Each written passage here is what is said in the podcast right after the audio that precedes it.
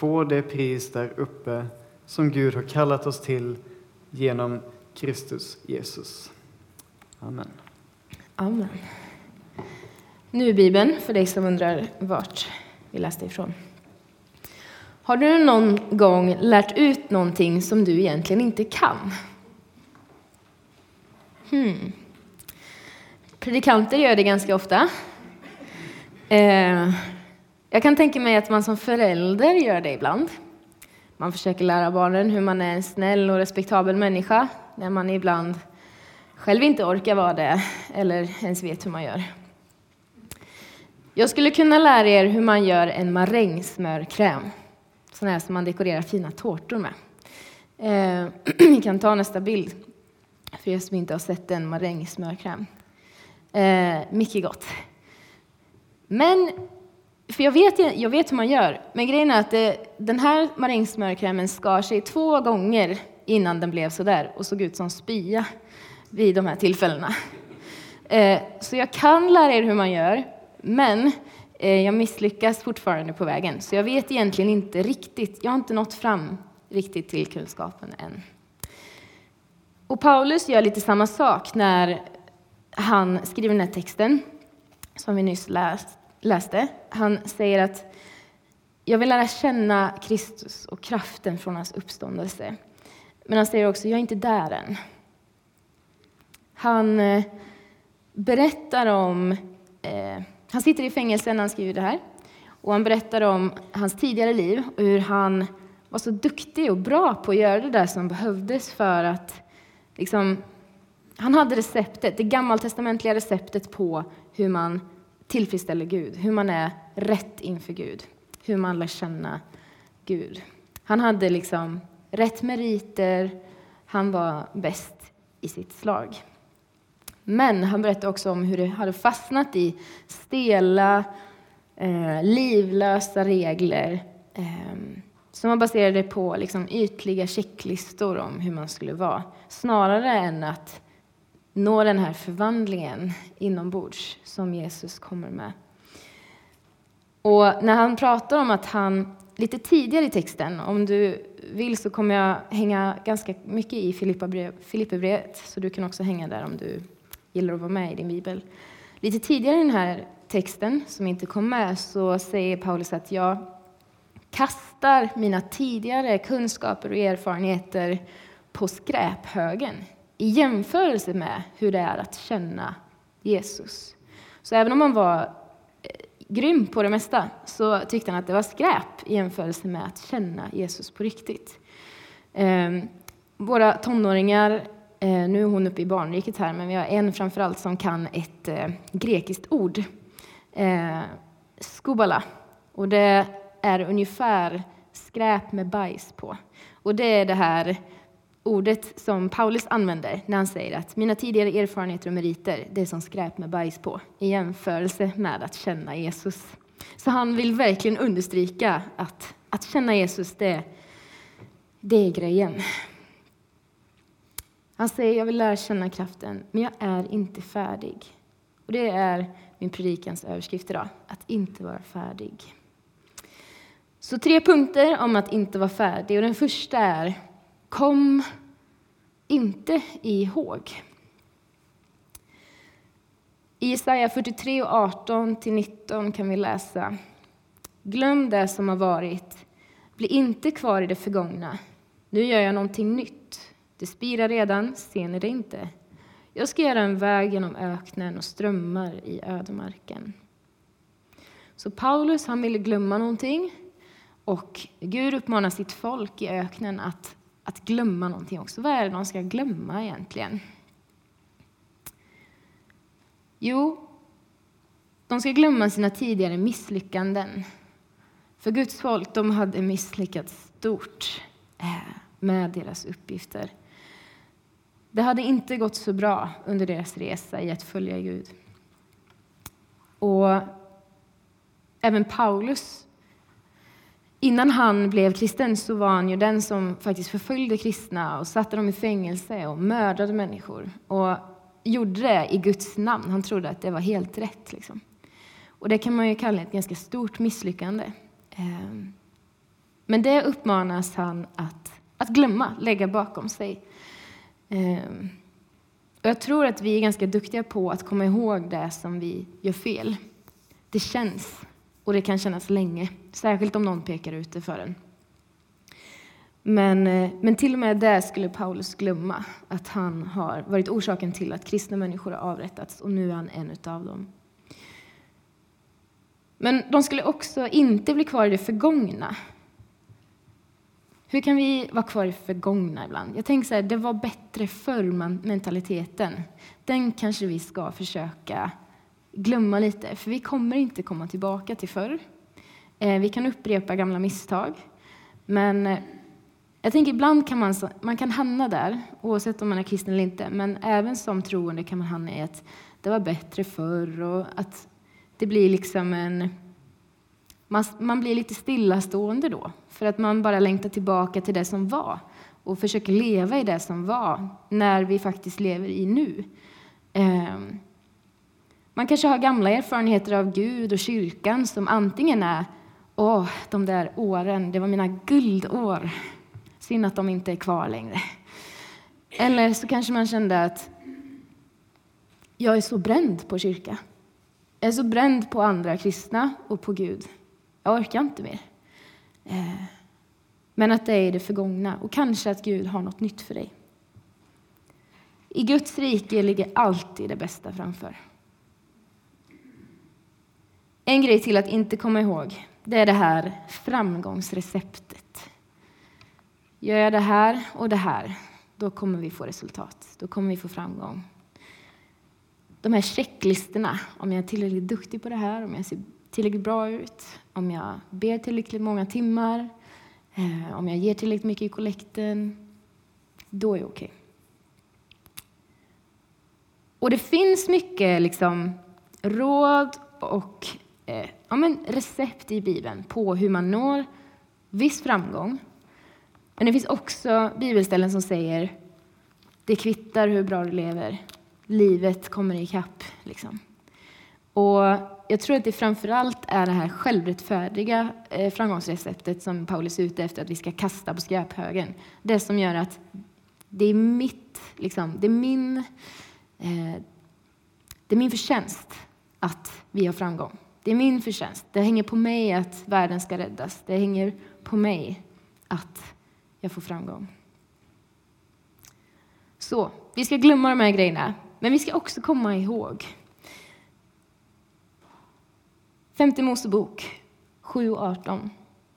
Gud säger, men var inte rädd för dem. Kom ihåg vad Herren din Gud gjorde med farao och med hela Egypten. Folket har blivit uppmanat att eh, dra ut och eh, fösa bort ett folk ur det land som de har lovat. Eh, men de vågar inte, för de tänker vi är för klena, vi är för små, vi är för svaga. Och då så får de uppmuntran. Men kom ihåg vem Gud är. Det hänger inte på er, det hänger på Gud. Kom ihåg vem han är. Kom ihåg, han har gjort saker i ditt liv. Kom ihåg de sakerna.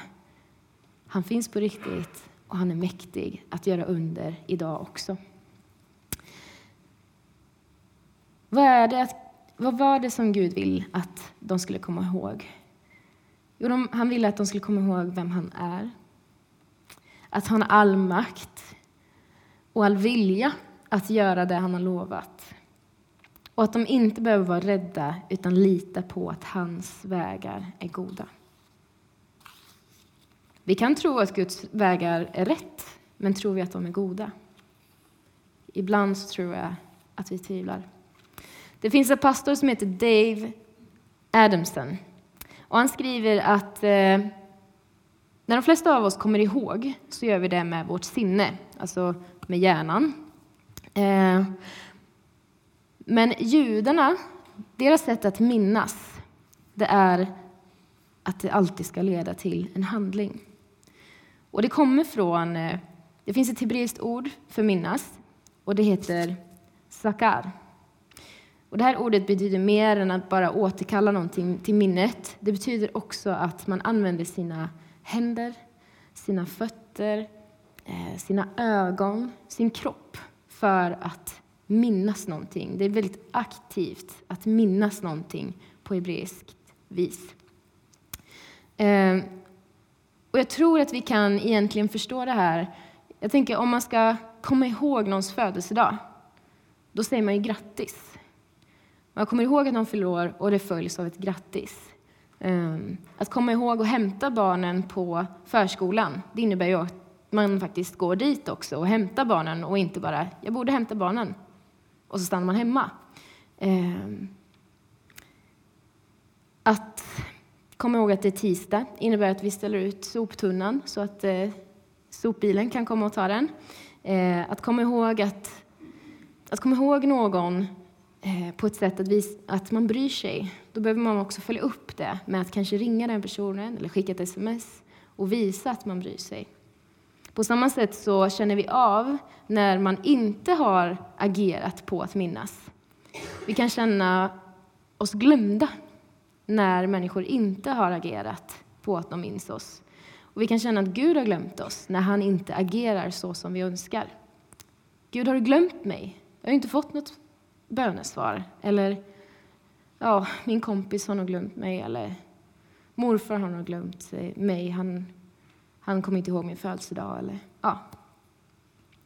På samma sätt som att eh, vi kan minnas kan vi också känna av när vi inte minns och att det får leda till en handling.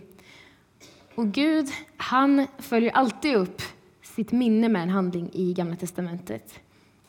När han kommer ihåg Noa så sände han en vind för att rädda människorna i arken. När han kommer ihåg Rakel så öppnade han hennes livmoder, står det i Gamla testamentet. Ehm, så när Gud minns, då följs det alltid av en handling. Och det är samma minne som man uppmanas till här. Att komma ihåg vem Gud är, att komma ihåg vem du är och att det får göra en konsekvens i ditt liv. Teologer säger att Gud ger mellan 3 000 till 7 000 löften i Bibeln. Tänk om vi kunde få lära oss åtminstone ett löfte och minnas det så att det får leda till en handling i våra liv. Till exempel att lita på hans omsorg. Eh, till exempel att minnas hur Jesus har utlovat helig Andes hjälp för att vi ska kunna älska andra människor. Att räkna med det övernaturliga i vardagen. Tänk hur det kan förändra våra värderingar och våra vardagar på ett väldigt häftigt sätt. Okej, okay. det var punkt ett. Punkt två. Var nöjd, fast var inte nöjd. Paulus i Filipperbrevet igen, han säger så här. Jag har lärt mig att vara nöjd med det jag har. Kommer ni ihåg att han satt i fängelset? Han har haft mycket och han har väldigt lite. Och han är nöjd oavsett. Han har lärt sig att vara nöjd och tacksam för det han har. Och jag skulle vilja slänga in ett boktips här. Den här boken, eh, Tungotal, tänkande och tjänande, är Daniel Alm, eh, ledare för Pingströrelsens nya bok.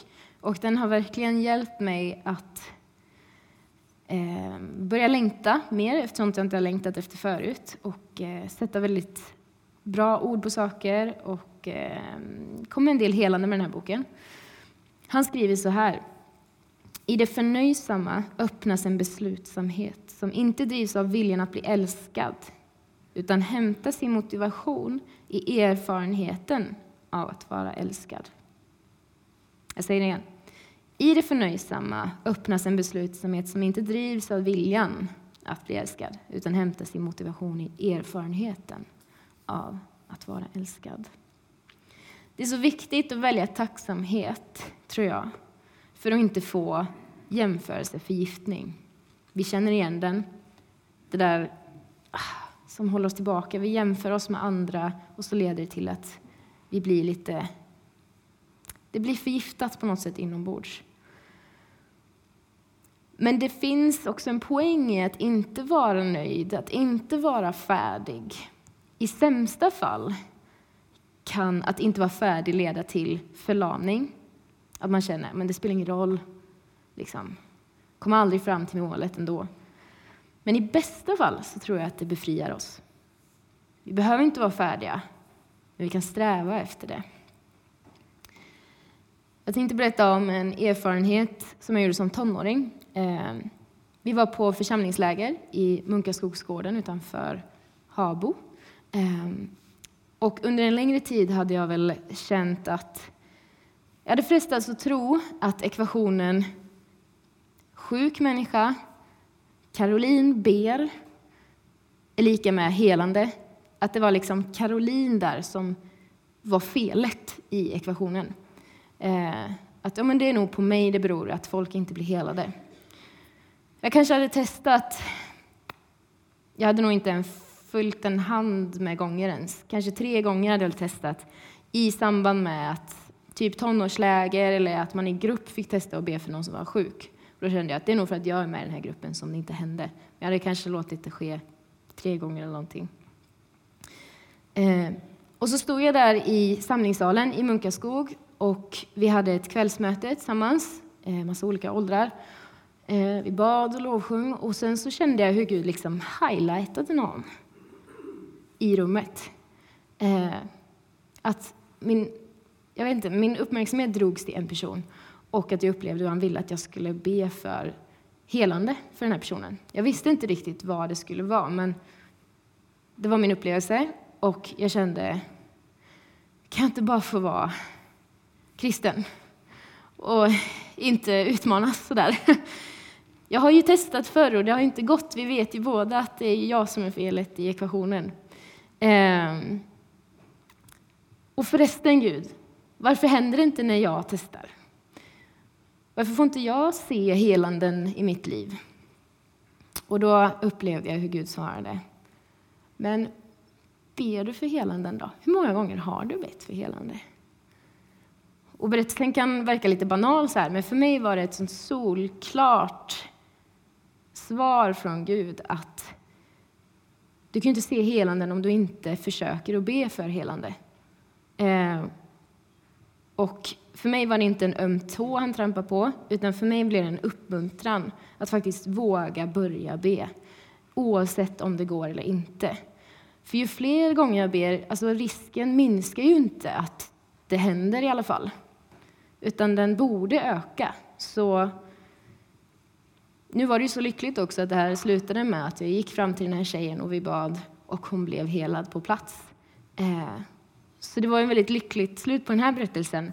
Men oavsett så tror jag att just den här, det var kanske inte att hon blev helad som gjorde att jag tog det här med mig, utan just det här utbytet med Gud och hur han liksom formade mig den kvällen.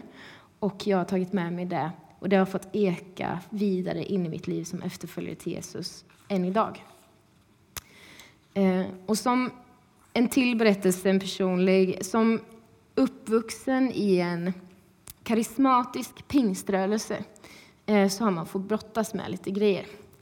Eh, karisma har vi ofta förknippat med... Eh, ja, men skulle man googla så är det, då kan det betyda att någon har en personlighet som är väldigt attraktiv eller att det utstrålar något som attraherar folk. Och vi kan förknippa det med diverse saker, tv-predikanter och högljuddhet och allt möjligt. Eh, men karisma i sitt grundord betyder egentligen nåd, eller en gåva från Gud. Eller ett väldigt konkret sätt att visa eh, gåva, ja, gåvor eller nåd. Och det är ju en karisma som jag tror egentligen är den som kyrkor längtar efter. Låt oss säga att den här smörkrämen skulle vara Guds rike. Eh, då tror jag att smakerna i den här smörkrämen, det är Guds gåvor, hans nådegåvor. Vi kan få smaka Guds rike redan nu. Vi kan få smaka på Guds kraft, hans övernaturliga kärlek, helande, vi kan få ett andligt språk och så vidare. Och det är allt annat än att det ska vara en liksom upphypad stämning. Men erfarenheten av att växa upp i en pinkyrka, eh, ja, det kan vara lite skavigt. Eh, för när pingstkyrkorna i Sverige började liksom bildas, eller så, då ville man först inte ha att vi är en pingstkyrka, vi är en pingst, liksom, vi är inte ett samfund, vill man inte säga, för Anden är till för alla troende.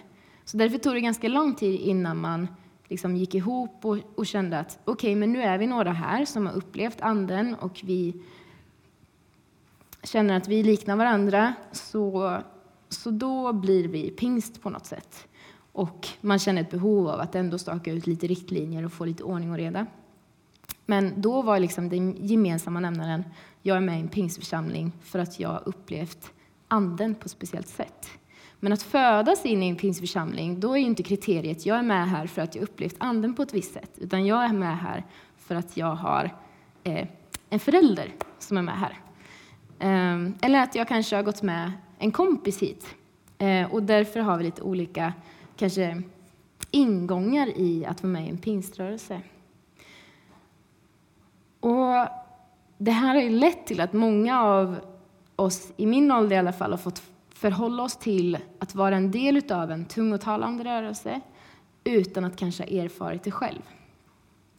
Och för vissa, och mig också, så har det ibland upplevts som en, en press eh, om att, liksom, att kunna eller inte kunna, att ha det eller inte ha det. Eh, och det kan lett till en känsla av utanförskap, eh, mindervärde, rädsla. Eh, kanske att man har stängt dörren helt för karismatik och Guds ledning och Andens kraft och gåvor. Och i värsta fall så har det också lett till att man har stängt dörren helt för Gud överhuvudtaget. Eh, och jag är en av dem som tycker det är jätteviktigt att inte låta upplevelserna och känslorna vara det som styr och få vara det som är avgörande för min tro. Jag tycker det är så viktigt att det är vad Jesus har gjort för mig som är det viktiga. Det är det jag måste stå på oavsett hur jag känner mig, oavsett liksom, om jag känner mig berörd av Gud eller inte, om jag känner hans närvaro eller inte. Det har varit viktigt för mig. Men jag har också blivit påmind av Gud de senaste åren om att men du Caroline, det är viktigt med känslor. Du kan inte stänga ut alla känslor. Eh, för jag vill använda känslorna också. Eh, han har påmint mig om att jag liksom riskerar att hamna i ett litet nöjdhetsdike. Jag vill vara så nöjd att jag inte riskerar att bli besviken över när jag inte upplever det jag önskar uppleva. Det kan, det kan liksom leda till att en viss stelhet i min tro. Att inte längta efter mer. Att känna mig färdig. Liksom. Jag är nöjd. Det är färdigt så här. Det räcker så här. Jag är färdig. Och det behöver inte heller bli så bra. Alltså. Ehm, så Gud har igen då fått bråka med mig lite grann och vi har ändå fått känna och komma fram till att jag vill inte att min nöjdhet ska vara orsaken till att jag går miste om välsignelser som Gud vill ge. Eller att andra går miste om välsignelser som Gud vill ge. Tänk om jag hade varit så nöjd med att inte be för sjuka den där kvällen i Munkaskog. Undrar om den här tjejen hade blivit helad då? Kanske, kanske inte. Jag vill inte vara orsaken i alla fall till att hon inte blir det. Eh. Tårtan är vacker liksom, men jag vill ju också smaka på den. Eh, jag vill sträva som Paulus efter de gåvor som ligger framför. Om det så ska gå med myrsteg och på en ganska sårbar väg så har jag ändå bestämt mig för att finns det mer, okej okay, Gud, jag chansar. Det är liksom inte fake it till you make it. Ehm, utan det var att var nöjd över att vara älskad av Gud. Stå på det. Och samtidigt drivas av en längtan efter mer av hans rike till den här världen. Romarbrevet 8.26. Så hjälper också Anden oss i vår svaghet. Vi vet inte vad vi borde be om, men Anden själv vädjar för oss med suckar utan ord. Vi får hjälp i detta. Ehm, och jag önskar att om du har jobbiga erfarenheter av karismatik eller att vara besviken på Gud eh, och andra. Att det här skulle få vara en helande gudstjänst för dig, där du kan få börja längta och drömma igen. Återigen Daniel Alm. Det är med karismatiken som med kärleken. Den kan missbrukas, men den kan också ha den mest positiva inverkan på livet. Min erfarenhet är att både jag och andra lär känna Jesus mycket bättre och mycket mer när jag vågar sträcka mig efter mer. Att våga be för sjuka, dela med sig av det, liksom, våga dela med sig av det man har så generöst att folk undrar vad är haken? Liksom. Att erfara Anden på nya sätt. Att kanske våga börja se om jag kan tala i tungor, profetera, uppmuntra andra med Guds ord in i deras liv. Att älska andra som om man aldrig har blivit sårad förut. Och grejen är att du har inte ansvaret för vad det ska leda till. Gud har det yttersta ansvaret. Så länge du låter kärleken få vara det som driver dig. Och tron och lärjungaskapet för en kristen tror jag både bör och brukar förändras under en livstid. Och så länge vi inte har flyttat hem till himlen så um, tror jag att vi kommer få fortsätta att balansera med de här olika skaven. För det kan vara lite så här, okej, okay, vi ska komma ihåg och vi ska inte komma ihåg och vi ska vara nöjda, men vi ska inte vara nöjda. Hur ska du ha det, Caroline? Eh, liksom, vilket dike, eller vart är vägen någonstans? Eh, och då tänker jag att det finns en väg att vandra på. Och vi hittar den i slutet av det David läste. I Filipperbrevet 3 och 14. Jag jagar mot målet för att kunna få det pris där uppe som Gud har kallat oss till. Hur då? Genom Kristus Jesus. Och det är min tredje punkt. Genom Jesus. Andra Korinthierbrevet 12 och 9. Men Herren har svarat mig, min nåd är allt du behöver. I svagheten fullkomnas nämligen kraften. Jag tror att genom Jesus, att se på honom, bli mer lik honom, där kan vi få gå på vägen. Och han drar oss upp när vi råkar hamna i dikena igen. Och så går vi på Jesu väg. Och jag tror att de här tre punkterna kan hjälpa oss. Ett, att glömma det som ligger bakom. De sår, de egna försöken man har. Och samtidigt komma ihåg Guds löften. Punkt två, var nöjd över att vara älskad av Gud, av Gud vara Guds barn och att det räcker så. Att hans nåd räcker. Och samtidigt längta och sträva efter mer. Punkt tre, genom Jesus och helig Ande så finns det mer. Genom Guds nåd så är du färdig för att komma in i himlen. Precis som Agnes var. Du kan absolut vara en kristen, bli frälst, Guds barn, utan att göra något för att förtjäna det. Du kan inte förtjäna det. Och det får räcka så. Men ingenting kan få dig att bli mindre eller mer älskad av Gud, varken på din sämsta dag eller värsta dag. Och samtidigt så kallar Gud oss till mer genom Jesus. Det finns alltid mer, oavsett om du är 8 år eller 98 år. Det finns alltid mer, fram tills vi har flyttat hem.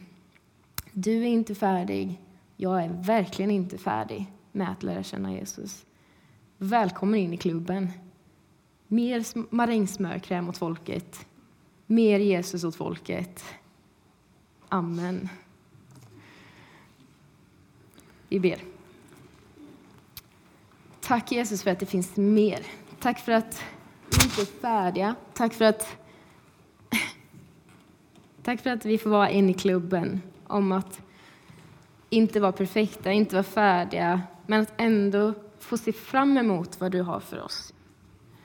Att få sträva efter det som ligger framför oss och att du lovar att det är välsignelser som ligger framför, det är utmaningar som ligger framför. Men du har lovat att vara med oss. Du har lovat att sända din heliga Ande till vår hjälp. Och jag ber för den som känner sig sårad här inne på olika sätt, om den känner sig glömd av dig, ehm, kanske bränd på kyrka, bränd på karismatik som inte är sund karismatik. Jag ber att du helar och upprättar i den här stunden, Jesus.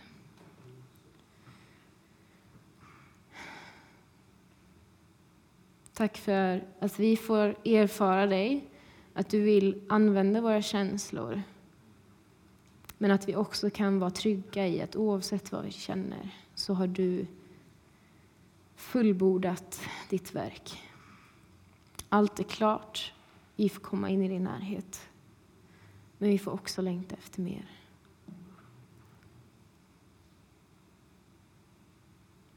Tack för nattvarden som du har gett oss som ett sätt att minnas dig.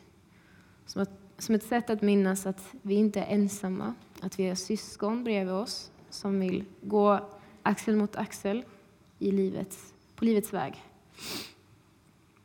Tack för att det är lättare än vad vi tror att följa dig. Men att det också finns så mycket mer än vad vi tror. Mm. Amen.